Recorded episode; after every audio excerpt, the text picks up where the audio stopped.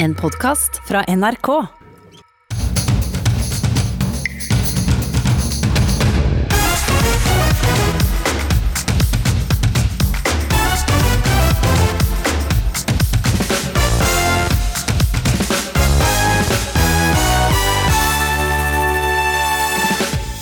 Etterveksten er vår tids binders, sier frisøren til Monica Mæland. Han blir varm om hjertet når han ser både hennes og andres ettervekst.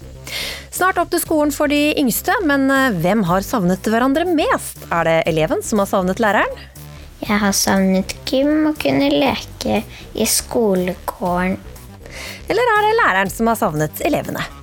Og jeg har jo savnet eh, hopp og sprett, og jeg har savnet å hilse på. Og det stormer rundt påtroppende oljefondsjef Nicolai Tangen. Filmprodusenten bak Exit heier på ham, mens Tax Justice Norge helst ser at han ikke begynner i jobben i det hele tatt. Velkommen til ukeslutt, hvor det også blir utepils denne lørdagen. Jeg heter Linn Beate Gabrielsen. Join the joyride, Roxettes klassiker, får bli oppfordringa aller først her i Ukeslutt. Denne uka åpnet barnehagene, og på mandag står elever i første til fjerde klasse klare til å løpe inn på skolegården igjen. Etter syv uker fra hverandre med skjermen som eneste møtepunkt, skal lærerne endelig få se igjen elevene sine. Sånn, god morgen.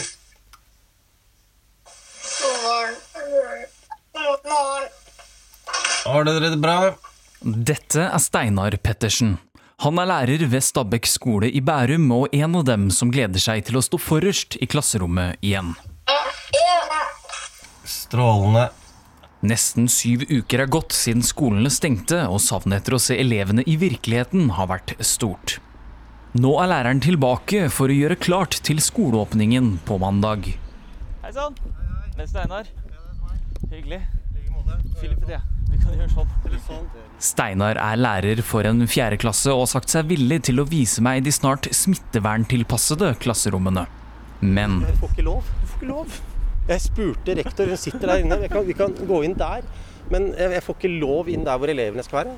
Så jeg får ikke et klasserom. Uh, får jeg ikke vist deg. Biblioteket kan vi gå på. Det kan vi gjøre. Der er du. Der er det, Der er med. der er det et bibliotek, ja. Der skal ikke, det skal ikke elevene bruke. da blir det biblioteket. Men som sagt, Steinar Pettersen liker seg best i klasserommet.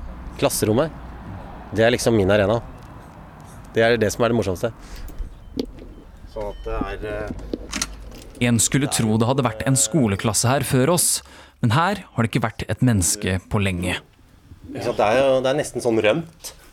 12. mars. Da var det bare å rømme. Kom deg hjem, raske med deg det du hadde av uh, Hva er det jeg trenger til hjemmeskole, liksom? Jeg trenger jo lærebøker, jeg trenger eh, tekniske duppeditter. Og siden den gang har Norge fått en helt ny skolehverdag. Det er jo kanskje den eh, største digitale læringskurven norsk skole har vært gjennom på kort tid. Å plutselig switche over til undervisning via skjerm har ikke vært problemfritt. Det, det var veldig mye 'hører du meg nå'? Jeg tror, det, jeg, jeg tror mange sier at skolen vil aldri bli den samme igjen. Altså, det har vært en bratt læringskurve for alle. Det sier førsteamanuensis ved OsloMet, Cecilie Daland.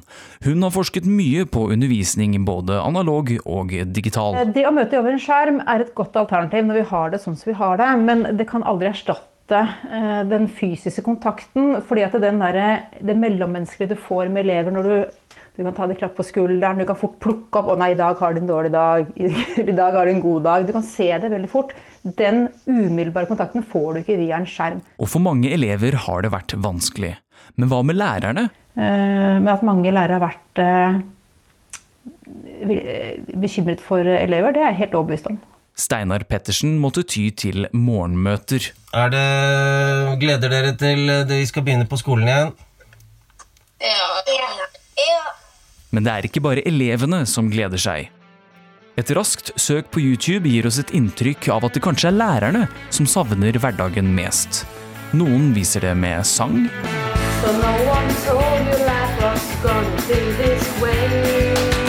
dugnadssang Sammen for kidsa er vi logget på. og utkledning. Hei, alle elever. Dette er rektor. Jeg har for anledningen kledd på meg Supermann-drakt. Og, og jeg har jo savnet uh, hopp og sprett, og jeg har savnet uh, å hilse på, og jeg har savnet hele den der interaksjonen. Det er ikke som i gamle dager der du får et par, eh, par oppgaver på tavla, og så går læreren og setter seg, og så venter til du er ferdig, liksom. Så, så det er jo litt det der med at eh, det, akkurat den der interaksjonen med elever, eh, den savner jeg veldig. Steinar Pettersen er altså ikke alene. Men hva med elevene? Vi spurte en av Steinars elever, vi, nemlig Maria Dimmen.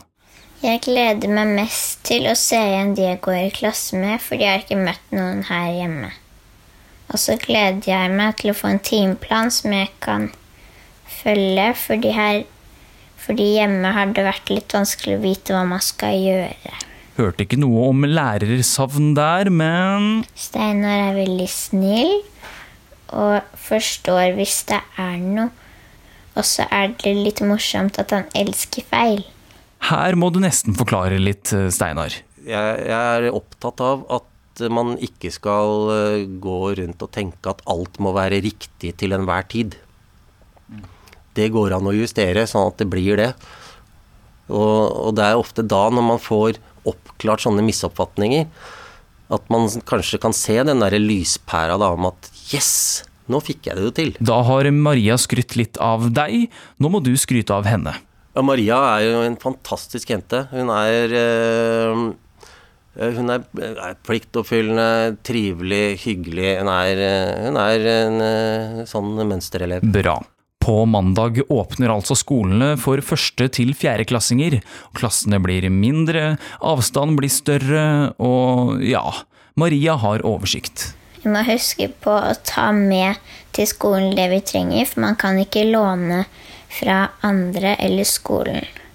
Man må også passe på å vaske hendene litt ofte, men det tror jeg går bra. Det blir nok ikke en eh, lik skole som det de eh, gikk fra 12. mars. Eh, men vi må jo prøve å gjøre den gjenkjennbar. Det må vi prøve å få til. Så det blir jo mye, blir mye smitteverntiltak. Steinar Pettersen har ikke helt forberedt hva han skal si når han står der i klasserommet igjen, men han vet hva han ikke skal si. Jeg håper, håper ikke det blir pass på avstand, eh, gå litt lenger tilbake. Jeg håper det blir god morgen. Eh, veldig hyggelig å se dere. For det kommer det til å være. Så det er litt, litt sånn eh, Håper ikke vi blir sånn at vi må gå rundt og passe på at man må holde avstand hele tiden.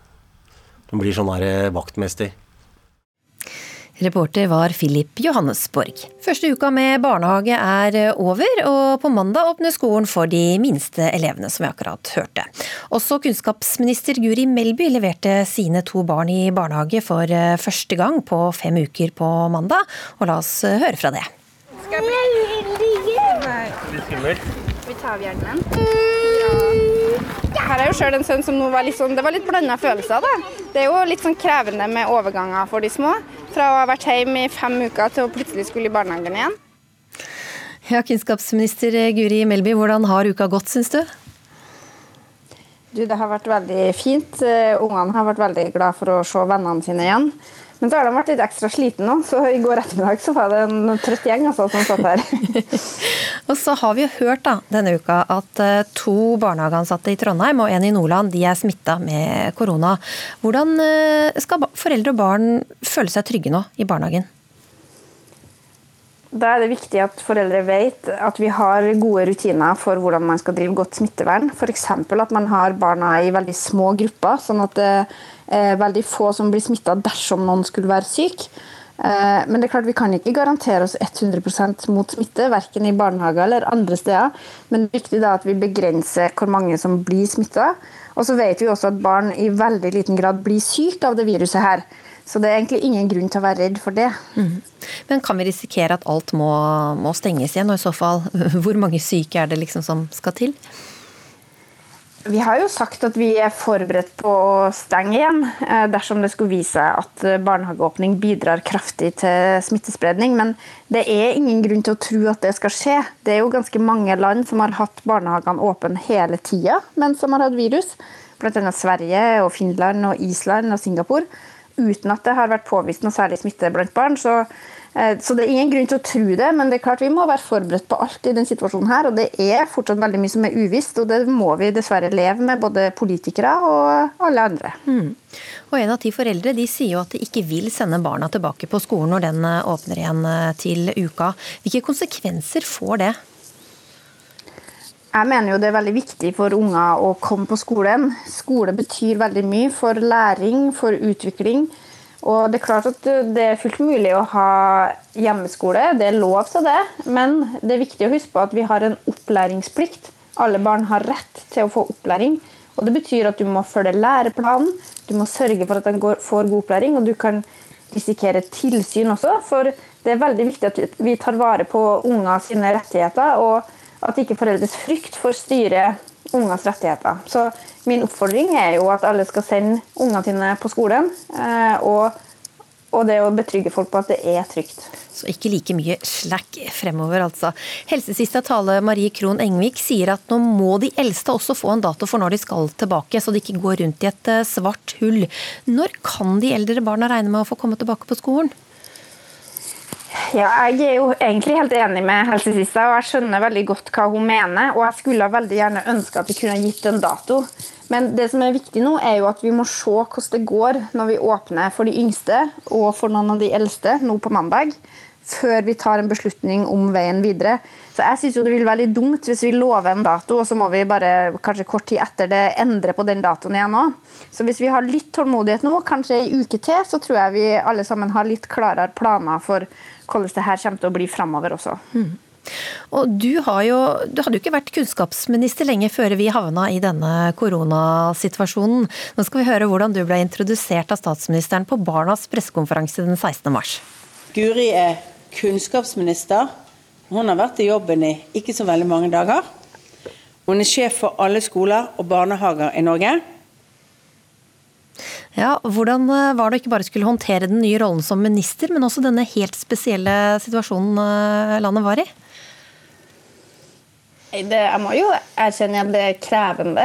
Eh, jeg ble jo utnevnt den 13. mars, og det var jo den 12. mars at vi vedtok at alt skulle stenge. Så det var egentlig samme dag mm. barnehagene og skolene ble stengt, som jeg ble statsråd. Men det som har gjort at det for så vidt har gått greit for min egen del, er jo for det første at jeg er del av et stort lag. Jeg sitter jo ikke og tar beslutninger om det her alene. Det gjør regjeringa sammen. Og Erna Solberg har jo vært statsminister i mange år og har lang erfaring også med å håndtere kriser. Og så har vi også et veldig godt eh, byråkrati i Norge. Det blir det kanskje ikke snakka så mye om, men vi har veldig mange dyktige folk både i Kunnskapsdepartementet, i Helsedepartementet og alle dem som gir oss et godt grunnlag for å ta beslutninger. Og det er jo de helsefaglige rådene som ligger til grunn for det vi bestemmer å gjøre. Eh, og vi har veldig dyktige folk som bl.a. har laga disse veilederne nå for hvordan vi kan holde skoler og barnehager åpne. Og det gjør også jobben min veldig mye lettere. Og det, altså, I disse veilederne så har det jo dukket opp et uh, artig ord. Kohort. Er det et godt ord, syns du?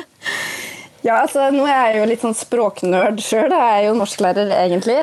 Uh, og Um, først så tenkte jeg at er det så lurt å introdusere et nytt begrep? Vi har jo mange ord som er vanlige å bruke i skole, sånn som gruppe f.eks., som kan fungere godt.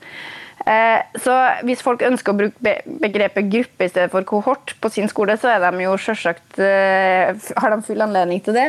Men det som jeg tenkte var litt fint med det ordet, er jo at det viser litt hva som er litt annerledes med disse gruppene enn det, sånn som vi tenker det til vanlig. Og det som, sånn som jeg har forstått det, da, at jeg har gjort litt research, er jo at ordet kohort representerer noe som er litt mer fast og litt mer varig enn det en gruppe er. Og Det er litt av poenget her. At du skal være i den samme kohorten eller samme gruppa f.eks. i en hel uke da, mm. før du eventuelt bytter. Så Min sønn på sin småbarnsavdeling har jo, han har fått en veldig liten kohort. Han har vært sammen med bare én gutt hele uka. Og så har de samarbeida litt med en annen kohort. Mens ellers så kan jo gruppa være noe du har kanskje bare en time eller en dag da, på skolen. Så det er kanskje litt av forskjellen. Ja, Vi skal også snakke med språkviter Helene Uri litt seinere om, om, akkurat det her. Tusen takk skal du ha, kunnskapsminister Guri Melby. Nå blir det Sam Smith og Normani med 'Dancing with a Stranger'. Det er eh, mange mørke eller grå fartsstriper å se på folks hår eh, for tida, og når eh, frisørene åpner igjen på mandag etter over seks ukers stengning, så blir det kamp om timene. Justisminister Monica Mæland satte ord på det. Så vet jeg at vi er veldig mange som savner frisøren vår. Jeg er ikke alene om denne etterveksten, for å si det sånn. Trond Skeide Johannessen, det er altså deg Mæland savner nå. Hvorfor eh, ble du stolt da hun snakket offentlig om etterveksten sin? Nei, jeg tror det at denne etterveksten den har vært et tegn på samhold for oss frisører. Eh, og Derfor brukte jeg også i en eller annen sammenligning at jeg kalte det for nåtidens binders. Så all respekt til Monica som sto på talerstolen og ja, dro den og pekte på, på yes, etterveksten. Yes. Som hennes eh, frisør, da, hvordan, eh, hvordan syns du hun eh, ser ut på håret nå?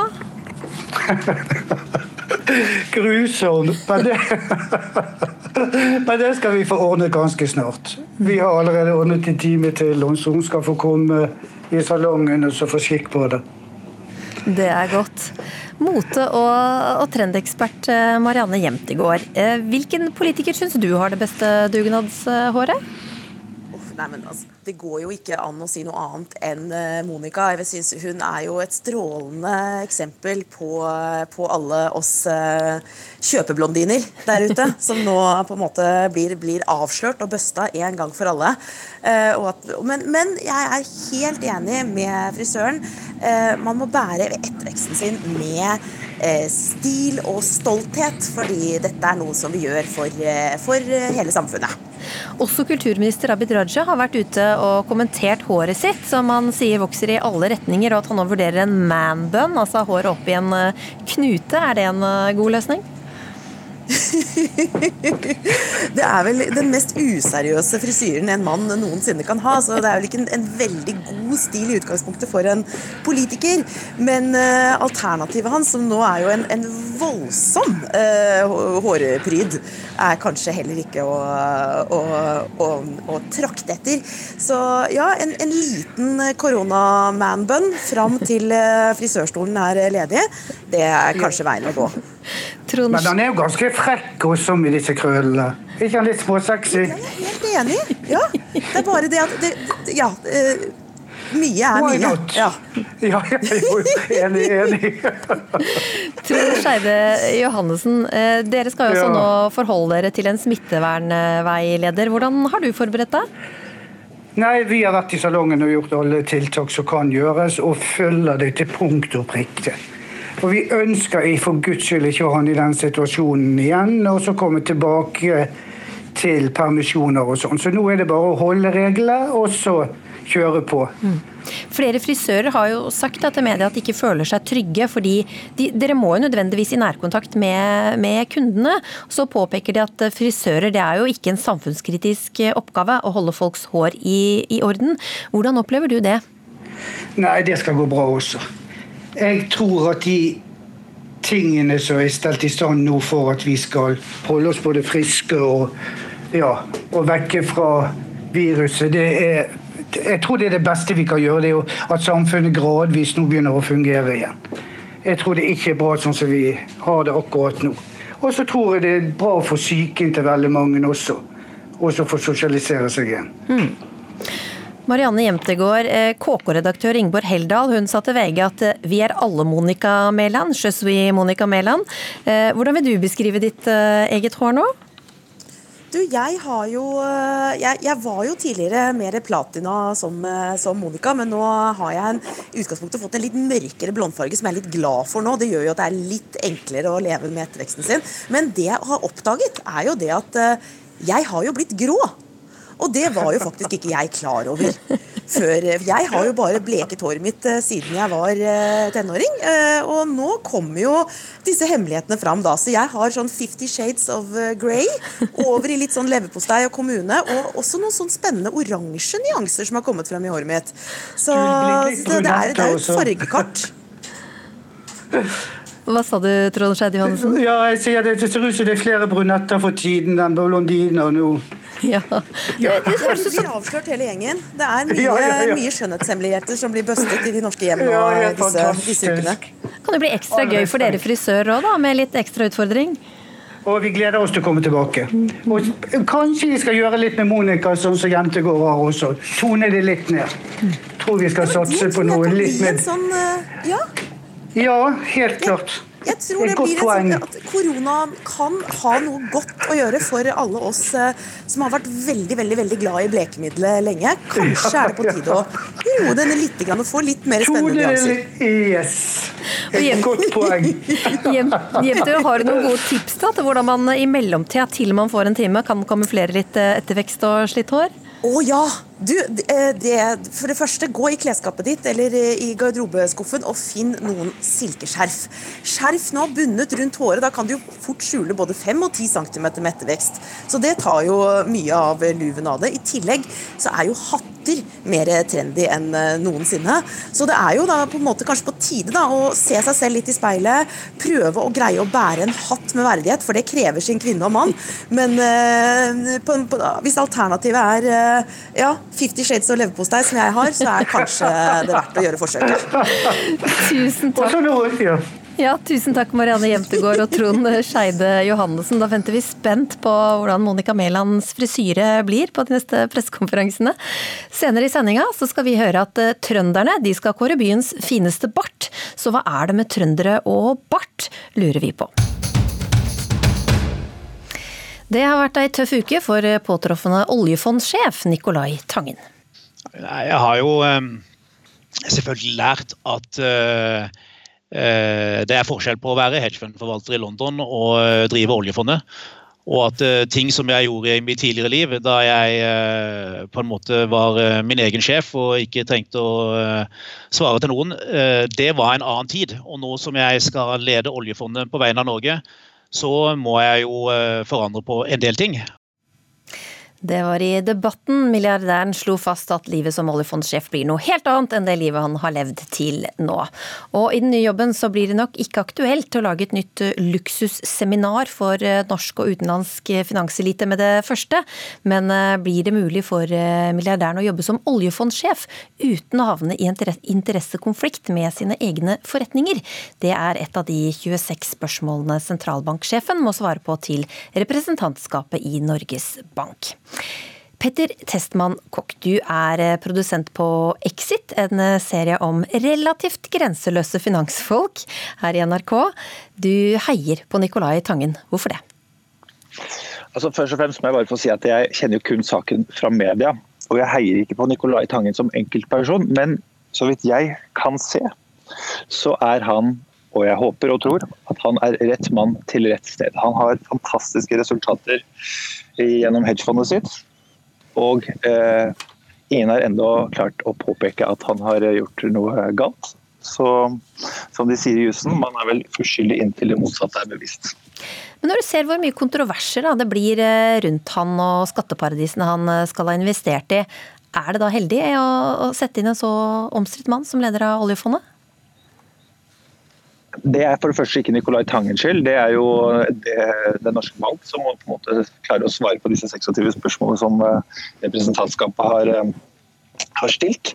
Eh, Jeg tenker at han har bevist at han får til ting.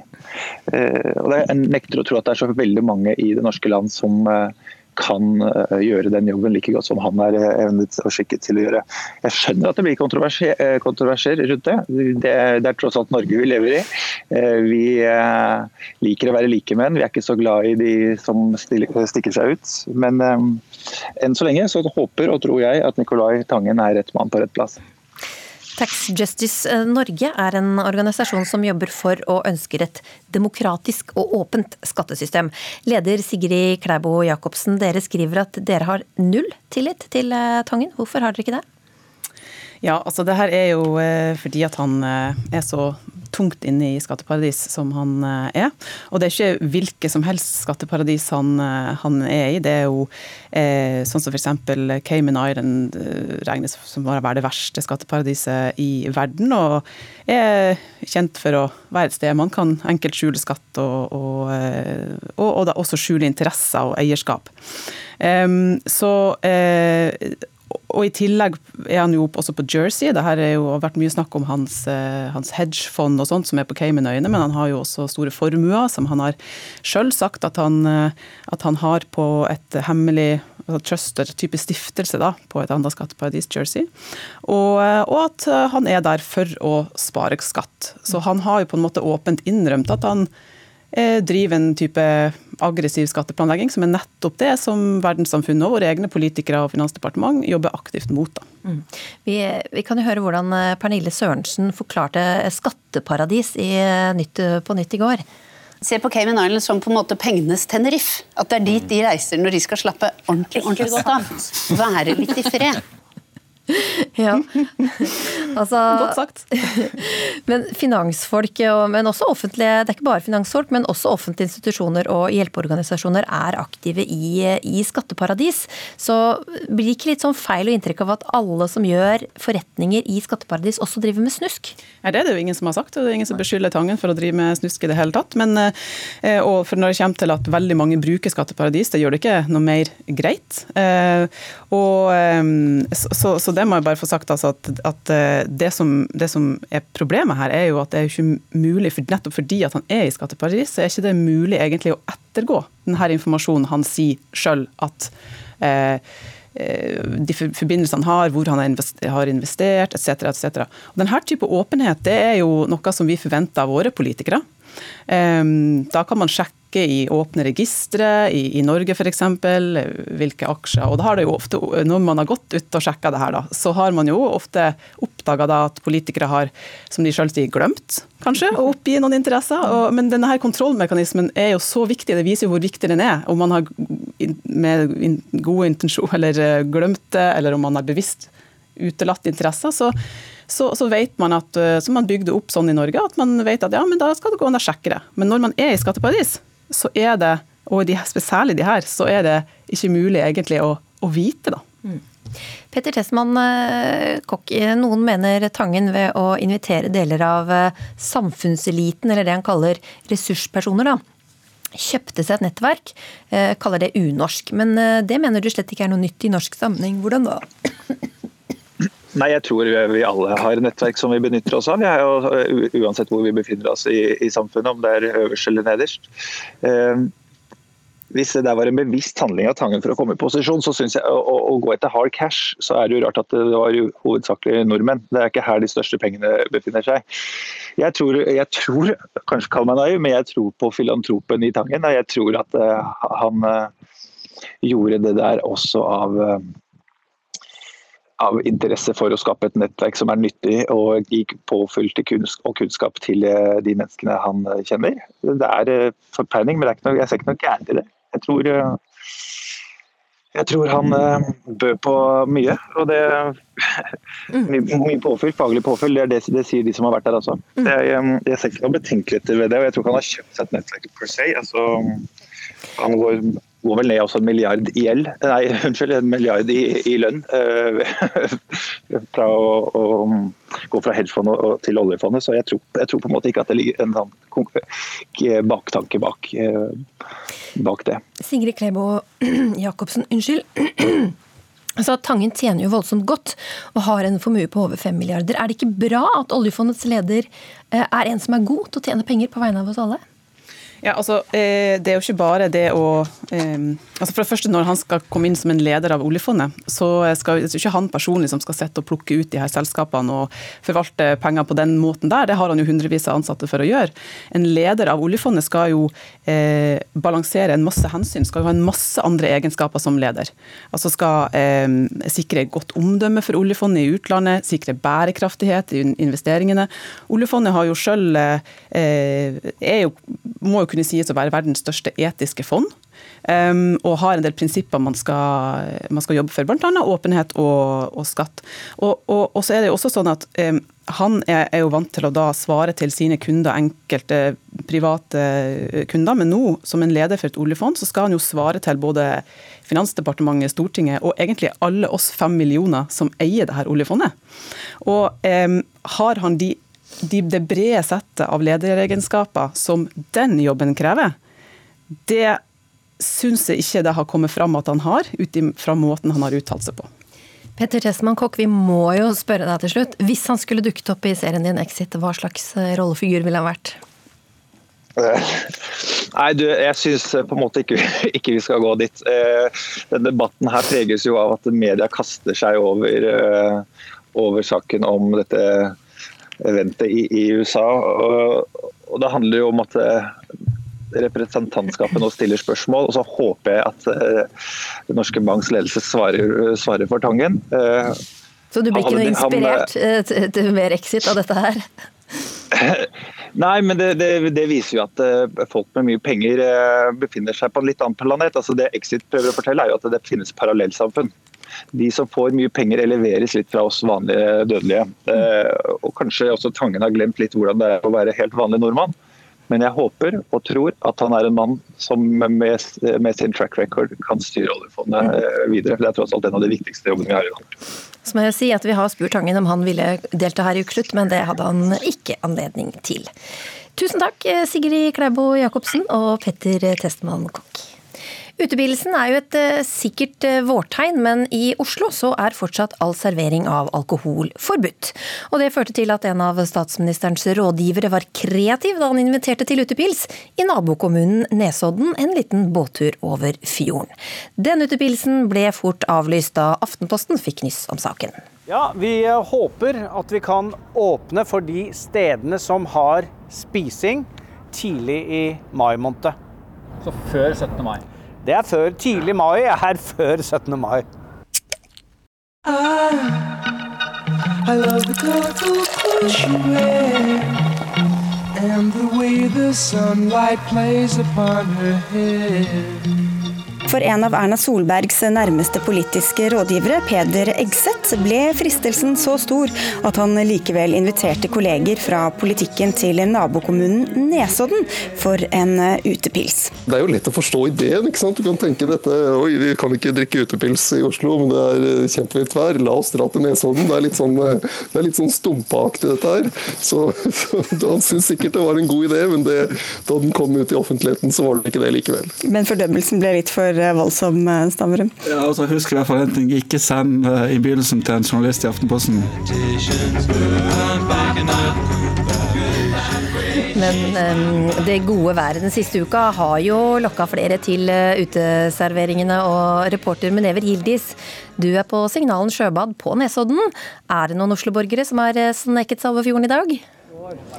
Absolutt, det har det, og det er med god grunn. Jeg kan melde om en strålende dag på Nesodden i dag. Det er akkurat en dag for, eh, for, å ta seg en utepils. Og jeg har med meg en gjeng som har tatt eh, turen fra Oslo. Og Arild Vik, du og disse tre herremennene her, dere har tatt hele veien fra Oslo og hit. Hvordan smaker utepilsen her? Helt fortreffelig. Det kunne ikke smakt bedre. Og jeg har, jeg har savna det. Er det første utepilsen i år, eller? På utested, ja. Ellers har jeg tatt noen på verandaen og kost meg, men eh, det er noe spesielt med å komme seg ut og sitte blant folk og ha det hyggelig, rett og slett. Og det har du savnet i Oslo? Det har jeg savna veldig i Oslo. Og når jeg syns jo når de først har åpna opp i Viken, så bør de kunne klare å åpne opp i Oslo. For det, det, trekker bare folk fra Oslo ut i Viken. Så da forskyver du i mine øyne et problem. Så åpne opp i Oslo sånn som her, med gode avstander på border. Se folk hygger seg. Det, jeg ser ikke noe feil at vi åpner opp i Oslo, og man må begynne å åpne opp snart. Og Klaus Hegseth, du er også en del av denne gjengen her. Hvor lenge har dere tenkt å sitte her i dag, da? Fem-seks timer, tenker jeg. Du blir kasta ut. Nei, jeg skal sitte her i løpet av dagen. Eh, det blir jo varmere og varmere, så spise litt og kose seg litt og dra fram noen gamle røverhistorier. Så det, det, det blir bra, det, altså. Men du, jeg la også merke til at dere, gans, dere, er ganske tidlig ute, for det er ganske stille her nå. Og så er det en kø for å komme seg opp til denne takterrassen. Var det, var det planlagt? At dere skulle være Det var nøye planlagt. Det var nøye planlagt. Det er sjelden jeg har klokka på ring eh, en lørdag, men eh, nå måtte jeg rett og slett tråkke til, stå opp tidlig og komme meg ut. Er det en plan dere har i gjengen? For dere sa at dere var på Vollen eh, i forrige uke. Alle var ikke på Vollen, men uh, vi Ja, nei, dette så klart. Denne planen har vi hatt uh, noen dager. Ut her og kose oss med god mat og god drikke. Men du, eh, du hvis, du, hvis jeg skulle ha vært fra la oss si Frankrike, og du skulle fortalt, fortalt meg om fenomenet utepils på engelsk, hvordan ville du ha gjort det? ja, det var rett uh, Nei uh, Relax outside with a beer. Yeah. yeah. And what is so special with uh, this relaxing? The good weather. Godt vær, god sol Nei, men nå er vi, vi er i Norge, er vi ikke det? Jo da, jo da. Jo. Uh, nei, vi, det, er, det er været, da, rett og slett. Kose seg i sola. Ja.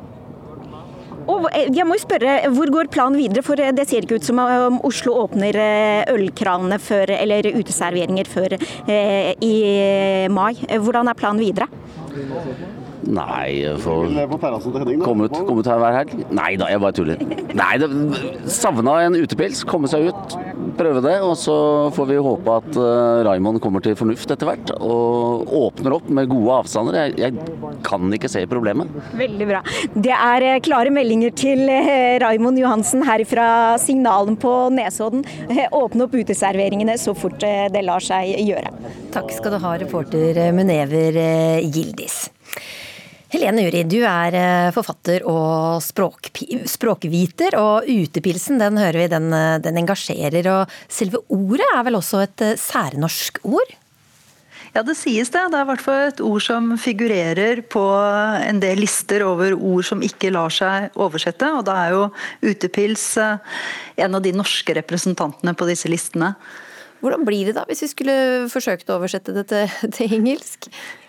Ja, altså La meg ile til å si at det er jo sånn at ethvert språk kan jo uttrykke alt, i prinsippet. Så det er jo ikke det at andre språk ikke klarer å uttrykke utepils, det er bare at de må ty til flere ord. Altså Man må jo skrive det om, da, si en øl som man drikker ute. Og det er klart, det gir jo i hvert fall ikke alle de assosiasjonene som vi har til eh, duggen på innsiden av glasset og den deilige følelsen av å sitte ute i vårsolen. Så noe blir borte på veien, og så har de altså ikke det ene ordet, da, visstnok. Men eh, nå sa du jo litt av det. Hva ligger i ordet utepils? I ordet utepils så ligger det jo mye mer enn at vi drikker en øl utenfor eh, hjemmet vårt. Det, det ligger jo vårsol og solstrålene mot ansiktet vårt, og det at vi har lagt en eh, lang og mørk og kald vinter bak oss. Så utepils er jo først og fremst alle de positive assosiasjonene. Og jeg kan jo si det sånn at jeg er ikke spesielt glad i øl, men jeg elsker jo utepils. Så her er også klima en, eh, spiller også klima en, en, en rolle? Helt klart. Dette er et ord som eh, nok er født av eh, det norske klimaet. Mm. Har vi andre eksempler på den typen ord? Hvis vi snakker om klima, så har vi jo på norsk eh, ordet tropenatt. Altså som er det at vi, det er over 20 grader også om natten. Det er klart det er et ord man ikke trenger i veldig varme land, der det er normalen. Og andre typiske norske, sånne særnorske ord, da? Koselig og hyggelig har vært eh, trukket frem som eh, skandinaviske eh, sære eller særlige skandinaviske ord som det ikke er så lett å oversette. At vi, vi, koser oss, og det har nok også noe med klimaet å gjøre. Tenner lys og kryper under pleddet og leser en god bok foran peisen. Og det er ikke helt unaturlig å kombinere de ordene heller, merker jeg. Hyggelig, det er hyggelig med, med, utepils. Har du tatt en utepils i år, da? Jeg venter på tropenatten, jeg, vet du. ja. Men så må vi spørre deg om et ord som har eh, dukket opp i det siste, og det har dukket opp i disse veilederne til eh, barnehagene og skolene, nemlig kohort. Vi skal høre fra en eh, barnehage her. Nei, altså Åpningstiden er jo redusert for å møte utfordringene eller kravet om å bare ha små kohorter med barn samla. Hva betyr egentlig kohort? Altså, egentlig så er det en tiendedel av en legion, altså en romersk, eh, i, den, i den romerske hærterminologien. Jeg kjenner jo ordet som en fagterm fra statistikk. Jeg husker det fra forelesninger i metode for mange mange, mange år siden. Så dette er jo en sånn typisk eh, fagterm som har funnet veien inn i, i hverdagen. Det betyr jo altså Hvis vi slår opp ordboken, så står det at det er en gruppe av personer med en felles faktor, f.eks. det å være født i samme år. Men sånn som det brukes nå, så brukes det jo som en gruppe, altså en liten gruppe. Og jeg har jo litt vanskelig for å forstå hvorfor eh, man bruker kohort og ikke, ikke bare gruppe. Hva tenker du om at man bruker en slags krigsmetafor i en eh, skoleveileder i disse tider? Eh, jeg syns, det er litt vanskelig å, å, forstå at det brukes, fordi det har vært eh, så mye snakk om å nå frem med uh, informasjon, at det er viktig å nå frem til alle grupper, og at budskapet blir forstått. Og da er det jo litt pussig at man velger en, et ord som nokså mange av oss ikke har hørt, eller i hvert fall ikke kjenner spesielt godt. Men bortsett fra det så er det jo et typisk eksempel på et moteuttrykk som sprer seg veldig fort. Noen begynner å bruke det. Eh, her er det jo brukt av informasjonsskriv, eh, så jeg vil jo tro at alle skole, altså foreldre til skolebarn og barnehagebarn kjenner dette ordet nå. Um, det, vi ser jo, det er masse eksempler på dette. For noen år siden så skulle jo alle si ish. Altså jeg kommer åtte ish i stedet for at jeg kommer i åttetiden. Så skulle alt være bærekraftig. Så ord og uttrykk sprer seg. Dette er, eh, det er sånn det er. Eh, fristende å si at det sprer seg litt som en epidemi. Kanskje ikke så farlig, men eh, kan jo være litt irriterende. Og kanskje litt uheldig med et så fremmedartet ord. Så det her må vi bare venne oss til, antageligvis, da.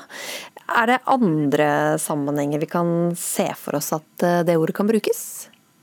Nei, kanskje vi kommer til å se for oss kohorter på toppen fem mennesker, da. Utepilsdrikkende i tiden fremover. Takk, dette var jo både oppklarende og oppløftende, språkviter Helene Uri. Iskanten er eh, overgangen mellom eh, åpent hav og havis i Arktis, og spørsmålet om hvor iskanten skal gå, har vakt stort engasjement. For spørsmålet er viktig for eh, hvor langt nord vi kan bore etter olje og gass. Og i går kom regjeringa med sin anbefaling. Therese Hugstmyr Woie, leder i Natur og Ungdom. Regjeringa vil altså ha iskanten litt lenger sør enn den er i dag, i hvert fall enkelte steder. Hvorfor er ikke det bra nok? Nei, altså i Norge og i alle partiene så er det jo bred enighet om at iskantsonen og de enorme naturverdiene som finnes der, økosystemene, som er av de mest verdifulle og betydningsfulle vi har i, i verdenshavene, som står for den store biologiske produksjonen, det er en verdi som er viktig å, å beskytte, og også beskytte mot oljeboring. Det har også Høyre og Frp satt i regjering og sagt at vi skal beskytte iskantsonen mot, eh, mot uh, oljeboring. Men så uh, stanser enigheten da, når man spør skal vi lytte til forskerne på hvor disse verdiene finnes. Mm. Og det er jo der vi reagerer. Når, når vi er enige at vi skal beskytte økosystemene i iskantsonen, så må vi lytte til de som vet hvor de her finnes. Det er ikke bare der det er is til enhver tid, det er også der det er is innom i løpet av et år eller i løpet av mange år. Mm. Fordi det er også verdier på havbunnen osv. Bjørn Kristian Svensrud, formann i Fremskrittspartiets uh, Ungdom. Dere vil ha iskanten lenger nord enn det regjeringa foreslår. Hvorfor det? Vi er jo opptatt av at iskanten i utgangspunktet burde vært dynamisk. Eh, fordi den reelle iskanten eh, den bryr seg jo ikke om stortingsmeldinger eller forvaltningsplaner, den flytter seg frem og tilbake. Eh, og vi mener i likhet med Norsk olje og gass, Oljedirektoratet, LO, at man kan ha en dynamisk iskant som flytter seg ut ifra hvor iskanten er. Og Da vil du ha en buffersone, sånn at du ikke kommer for nært inn på selve isen. Men det som er eh, viktig å huske på, er at alle er enige om at biomangfoldet i nord er viktig å ta vare på. Eh, men dette kan jo fort bryte med en lang norsk tradisjon om hvordan vi forholder oss til forvaltningsplaner. Eh, fordi det Natur og Ungdom egentlig ønsker seg, i likhet med resten av miljøbevegelsen, det er jo at dette egentlig skal være en verneplan, og det er det jo ikke. Dette er en forvaltningsplan som også tar for seg dette som da defineres som særlig verdifulle og sårbare områder. Og da er det sånn at Når man har en forvaltningsplan, så handler det om hvordan vi forvalter naturressursene våre. Og Vi mener jo det at eh, det er viktig at dette her er en forvaltning. Eh, og at vi tar reelle konsekvensvurderinger ut ifra eh, konkrete steder i havbunnen. Noen ganger så er det lønnsomt, fornuftig, ikke så risikofullt å bore. Andre ganger så er det risikofullt å bore, og da skal man ikke gjøre det.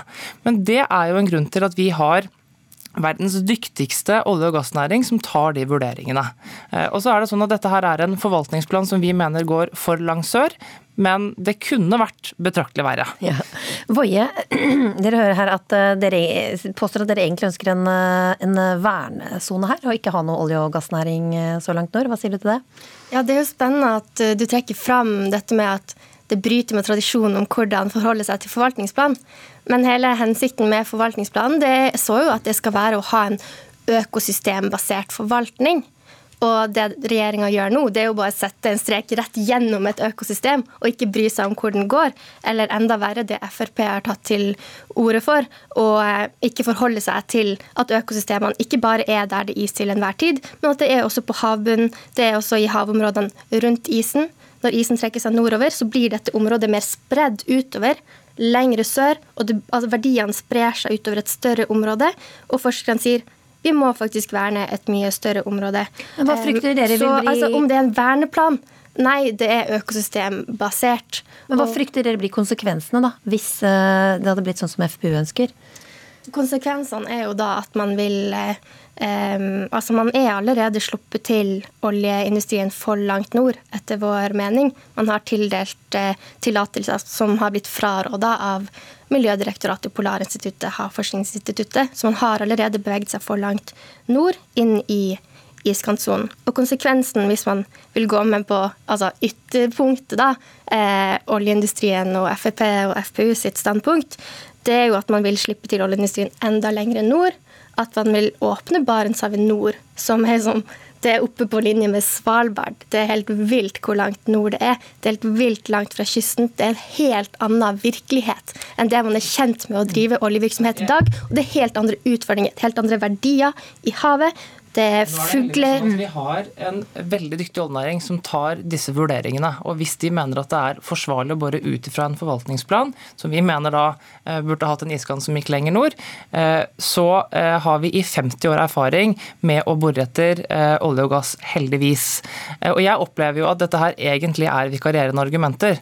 Fordi det Natur og Ungdom og resten av miljøbevegelsen egentlig ønsker seg, det er jo å legge ned Norges viktigste næring. Men oljebransjen selv, de er jo ja. lunkne til å leite etter olje så langt nord.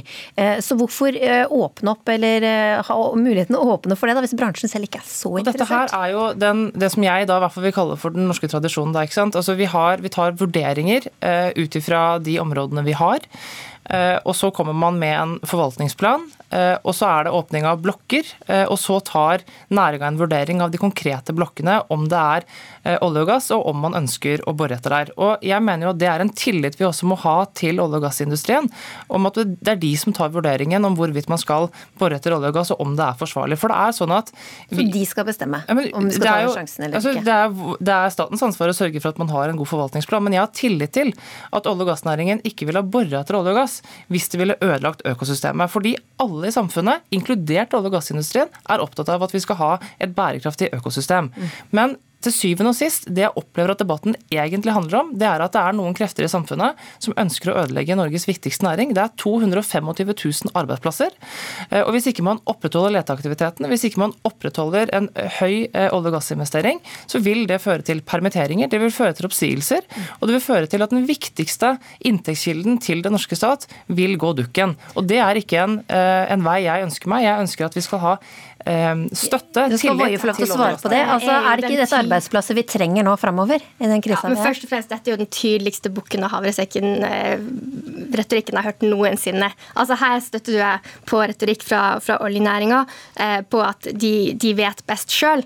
De skal kunne flytte seg etter katt i isen er til enhver tid, og så bare satse på at ja, hvis isen kommer for nær, så kan vi hoppe av i svingen. Og det har mange dårlig erfaring med. Det kan gi langsiktige, eh, dårlige konsekvenser som man må leve med i, i lang tid. Men når det kommer til arbeidsplasser, eh, altså om 30 år, i 2050, så vet ikke jeg hvordan arbeidsplasser kommer til å være viktig. Vi skal være i et nullutslippssamfunn. Verden skal gjennom en enorm endring. Men det jeg vet, er at vi ikke skal leve av de arbeidsplassene fra, fra oljenæringa. Og i de veldig korte eh, tidsrommet der vi skal endre Norge såpass drastisk, så har ikke vi tid til å dreve og drille rundt i Barentshavet og utvikle måter. Vi skal, vi skal drive med oljeboring lenger nord og i helt andre områder enn det vi er vant til fra før. Vi er nødt til å utvikle alternativene.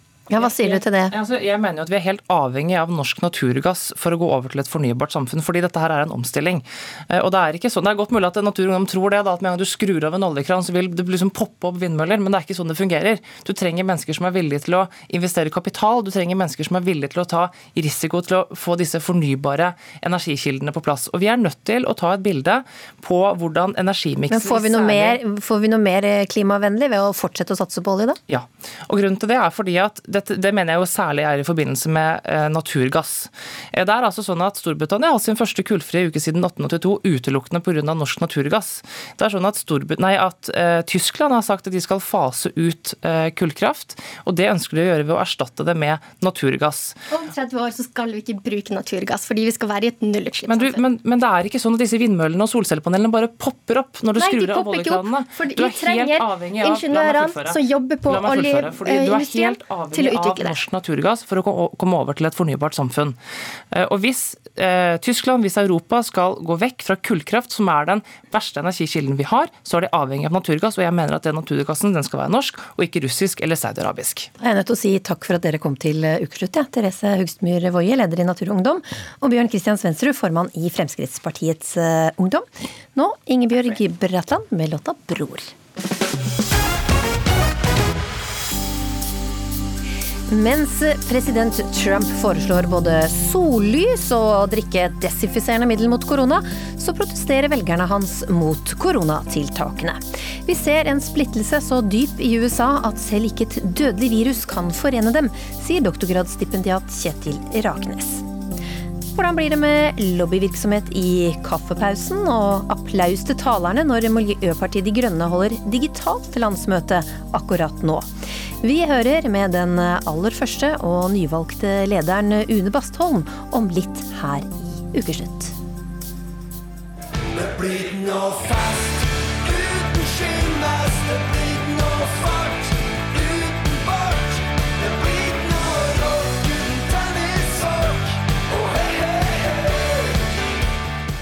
Ja, Trondheim lever virkelig opp til ryktet sitt som bartebyen for tida.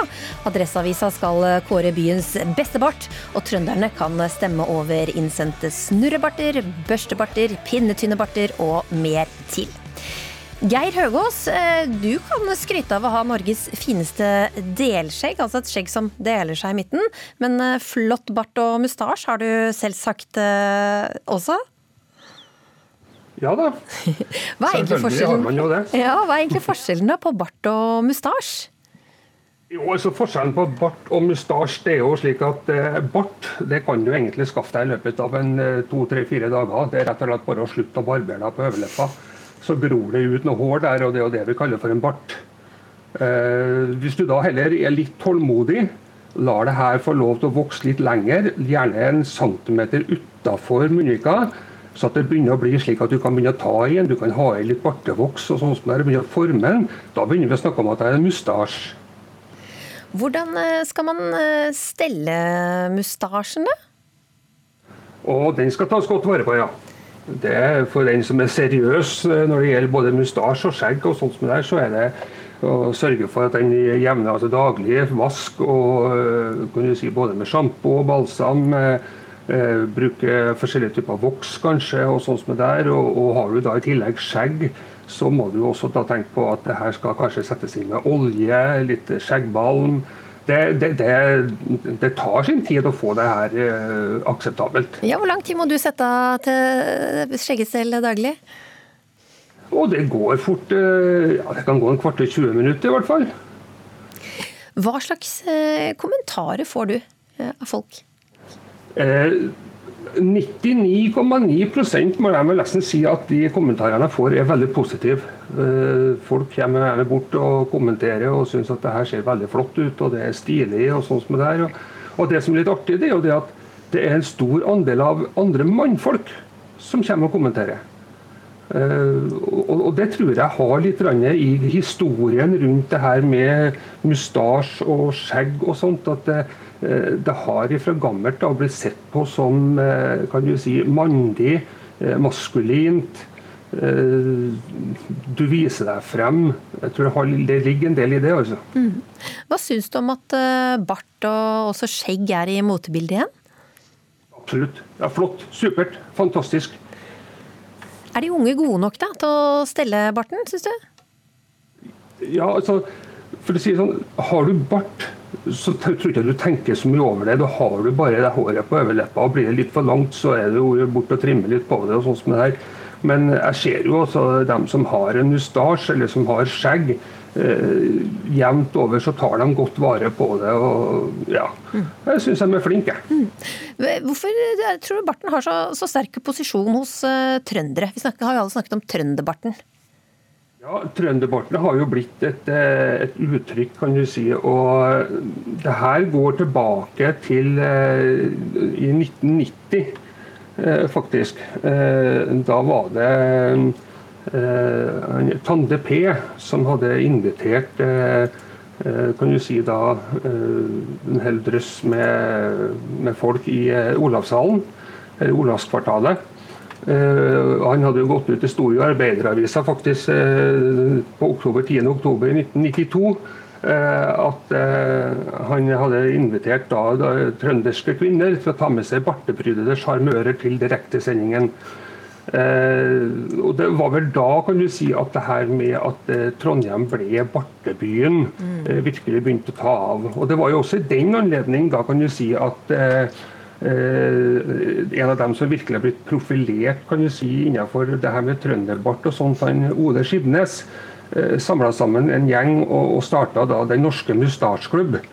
Eh, det er altså da den eneste norske offisielle mustasjklubb Eh, han eh, hadde nystifta den da i egentlig 1991, og det er derfor at klubben heter også Den norske mustasjklubb av 91. Det høres eh, jo det veldig riktig ut at den er i akkurat Trondheim, og gode kår for en bartekonkurranse i, i, i Adresseavisa. Takk skal du ha, Geir Høgås. Denne bartekonkurransen den pågår en liten stund til. Nå skal vi til eh, USA, hvor det denne uka har vært flere demonstrasjoner mot myndighetenes smitteverntiltak. Noen av demonstrantene har vært tungt eh, bevæpna. President eh, Donald Trump slutter jo ikke å overraske, så han har uttrykt støtte til demonstrantene, som jo egentlig demonstrerer mot hans tiltak. USA! These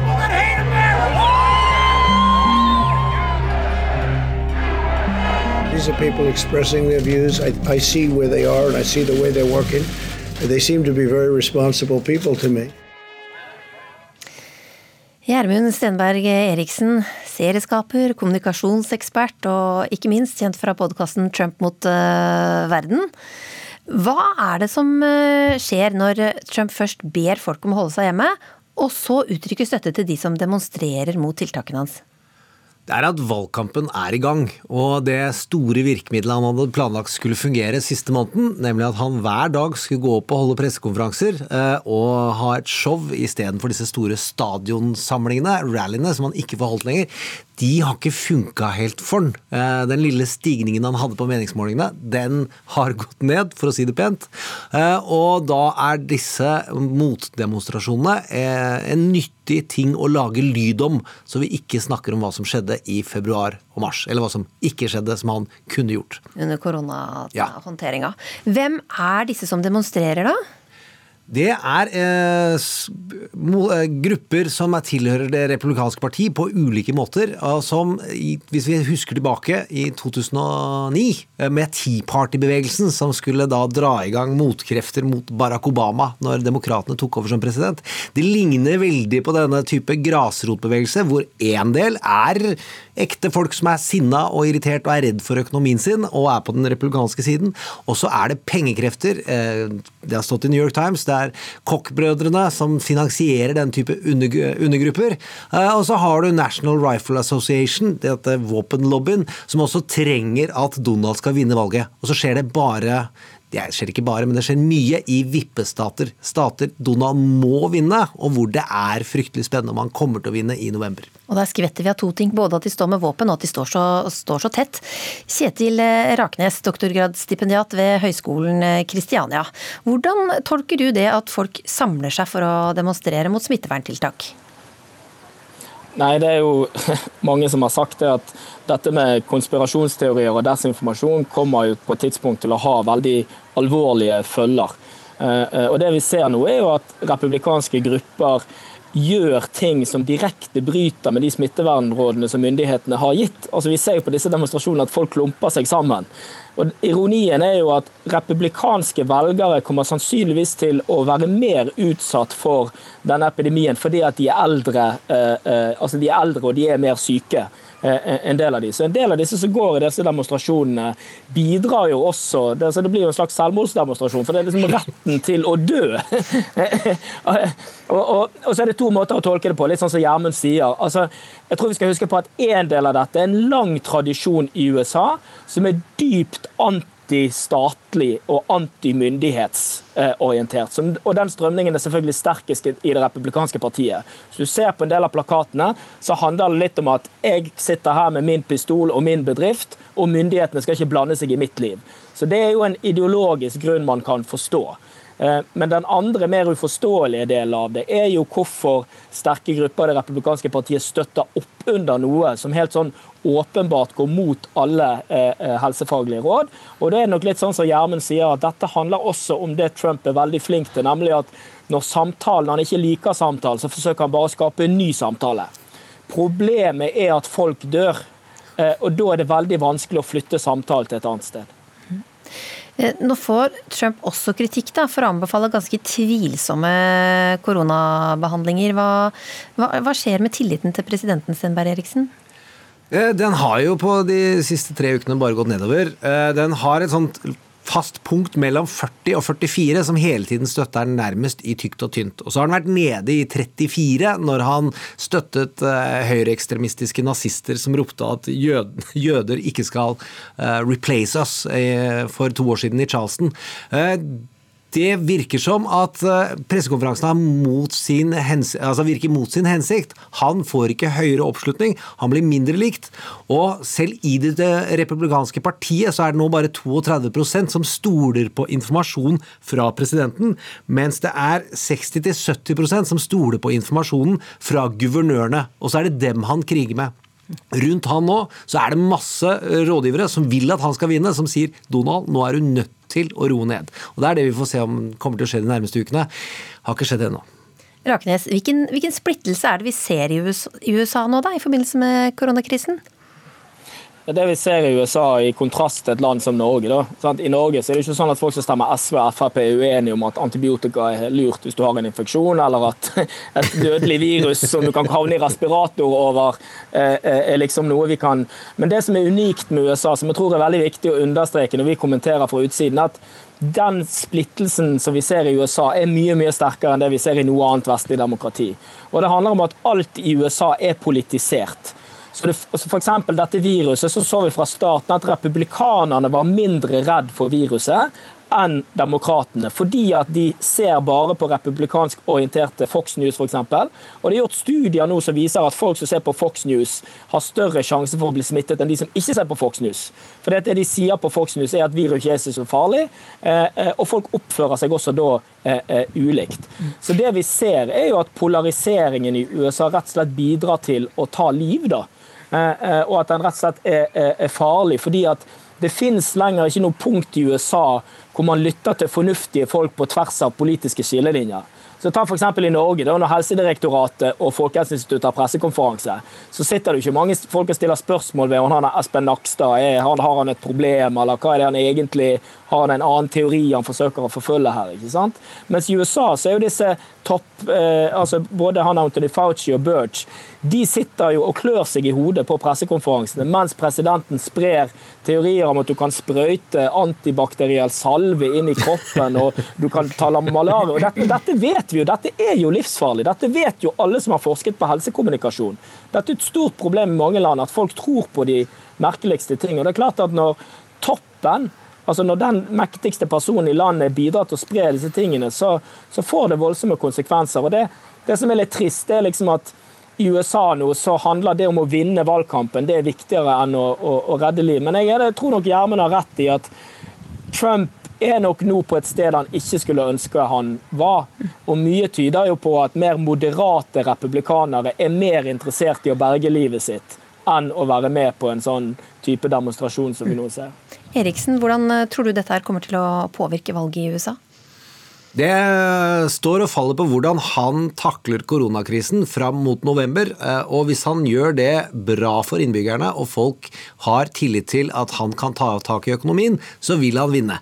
Så virker det som at han har ingen plan for å få det til, og han driver folk i sitt eget parti og demokratene fra, fra seg. Og ingen har vel, dette kan Raknes bedre enn meg, for han er, kan ha så mye om prediksjonsmodeller. Ingen har vel vunnet med så dårlig økonomi i ryggen på 100 år. Da må jeg si tusen takk, Gjermund Stenberg Eriksen og Kjetil Raknes. Nå skal vi over på et annet dilemma, framført av Nelly og Kelly Rowland. Miljøpartiet De Grønne har eh, i dag valgt sin aller første leder, Une Bastholm. Og det skjedde på deres eh, digitale landsmøte, som da foregår i dag. Gratulerer, Une Bastholm. Takk for det. Hva er den eh, største fordelen med at dere nå har én leder framfor flere nasjonale talspersoner?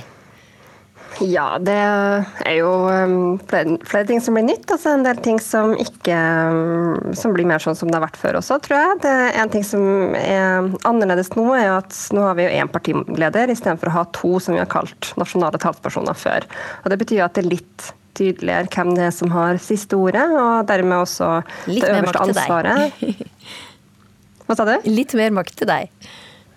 Ja, det gir jo hvert fall Det gir nok meg litt mer makt, og dermed også eh, er det jo lettere å ansvarliggjøre meg, da. Så det, et argument for en partiledermodell er jo, altså sammenligna med en sånn topartiledermodell, er jo at det eh, ja, blir litt tydeligere hvem det er som har ansvaret til syvende og sist. Mm. For alle som har eh, gjennomført digitale møter i det siste, så kan det jo fortone seg som et mareritt når så mange delegater da, skal møtes samtidig digitalt. Hvordan, hvordan har dere gjort det? Ja, det går veldig bra så langt. Eh, det blir ikke så mye applaus, men vi bruker sånne jazz hands. Man vifter med hendene for å vise støtte og applaus. Så folk har hatt anledning eh, hver dag denne uka til å logge seg på et formøte i akkurat den samme plattformen og øve seg på en måte hvordan man gjør inntegning og får informasjon og sånn. Så vi har jo forberedt det ganske godt. og Eh, det virker som at delegatene eh, koser seg med også denne eh, måten å gjøre det på, selv om det er jo enda hyggeligere å møtes fysisk. Det må jeg bare si. Kunne klemme hverandre og skryte av hverandre og den jobben som gjøres. og ja, diskutere. Mm. mm. Men vi har jo sett eksempler også på en del sånne flauser på sånne digitale møter. Har, alle husket å skru av mikrofonen når de ikke prater selv? Ja, stort sett. Det er ordstyrerne, etter det jeg har fått med meg hittil, som av og til har glemt det. Um, nei, altså er det, jo litt, det er jo litt artig stemning, for det er jo litt nytt for alle. Og man stiller jo mer likt da, på en måte. Altså Noen er nok mer komfortable med det digitale enn andre, men, men, det er jo liksom ingen som har gjort akkurat det her før, og det er jo en forskjell. Uh, på et landsmøte så er det alltid noen som har vært på talerstoler i mange år allerede og, og er veldig komfortabel med det. Så sånn sett så tror jeg det kan bidra til at flere flere tør å ta ordet og er med i debatten, da, når det ikke er så høy terskel. Men Hva skjer i pausene da, når dere ikke kan møtes og skryte og klemmes? Ja, det, Akkurat nå for eksempel, så har vi jo lunsj, så da er det jo opp til den enkelte å, å sørge for noe godt å spise. Eh, det er jo en forskjell. Ellers så ville vi jo sittet sammen og spist. Eh, og så møtes vi igjen etterpå til, eh, til de debattene vi skal ha da. Mm, så man holder seg jo inne i rommet, da, men man skrur av videokameraet. Mm. Litt seinere skal dere votere over forslaget om en eh, koronaskatt, hvor de som tjener over 700 000 må betale en egen skatt på 5% Hvorfor det? Tanken med det forslaget er jo å um, komme med eh, løsninger nå som kan være med å bidra til en eh, litt omfordelende, um, litt omfordelende løsning, i hvert fall, i en tid hvor jeg tror folk sitter med veldig forskjellige situasjoner. Så Noen har jo for så vidt fått en litt upraktisk tilværelse med hjemmekontor og sånn, men har, går det ellers veldig bra med. Uh, mens andre er jo ordentlig ramma av uh, denne krisa. Og jeg mener jo at krisa generelt har en tendens til å ramme dem som er mest sårbare fra før. Vi vet jo f.eks. nå at det er dem som var lavtlønt i utgangspunktet, som også har blitt mer, mest permittert og, og mista jobben nå. Um, og Det betyr jo at vi trenger løsninger nå som ikke bare ser til liksom, oljefondet og, og, det å hente ut penger derfra og pøse inn i norsk økonomi, men som også kan virke litt omfordelende. Men og 700 000 er jo ikke noe sånn Nei, men alle har jo bidratt da, i denne nasjonale dugnaden. Hvorfor er det noen som skal måtte betale mer? Ja, Det handler jo bare om at noen kan. Eh, så 700 000 er jo ikke noe stiv, veldig flott inntekt på den måten. Det er ikke noe topp, det er ikke noe sånn luksusskatt det her. Det er jo 700 000 en ganske vanlig inntekt i Norge. Eh, men det er tenkt at fordi det er jo mennesker som er i jobb og har en anstendig lønn, og derfor kan også de bidra mer. Eh, og jeg er jo blant dem. Jeg syns det er eh, et eh, godt tegn at vi i Norge også kan diskutere den type løsninger som virker omfordelende i en krisesituasjon. Da. Mm. Og så ønsker Miljøpartiet De Grønne egentlig en større endring av hele skattesystemet som er litt mer rettferdig, men det får vi jo ikke til i denne omgangen. Du, tusen takk skal du ha, så får dere lykke til videre med landsmøtet, Une Bastholm. Ja, det var eh, ukeslutt, det. Ansvarlig for eh, sendinga var Line Forsmo. Teknisk ansvarlig Helje Svensson. Og i studio hørte du meg, Linn Beate Gabrielsen.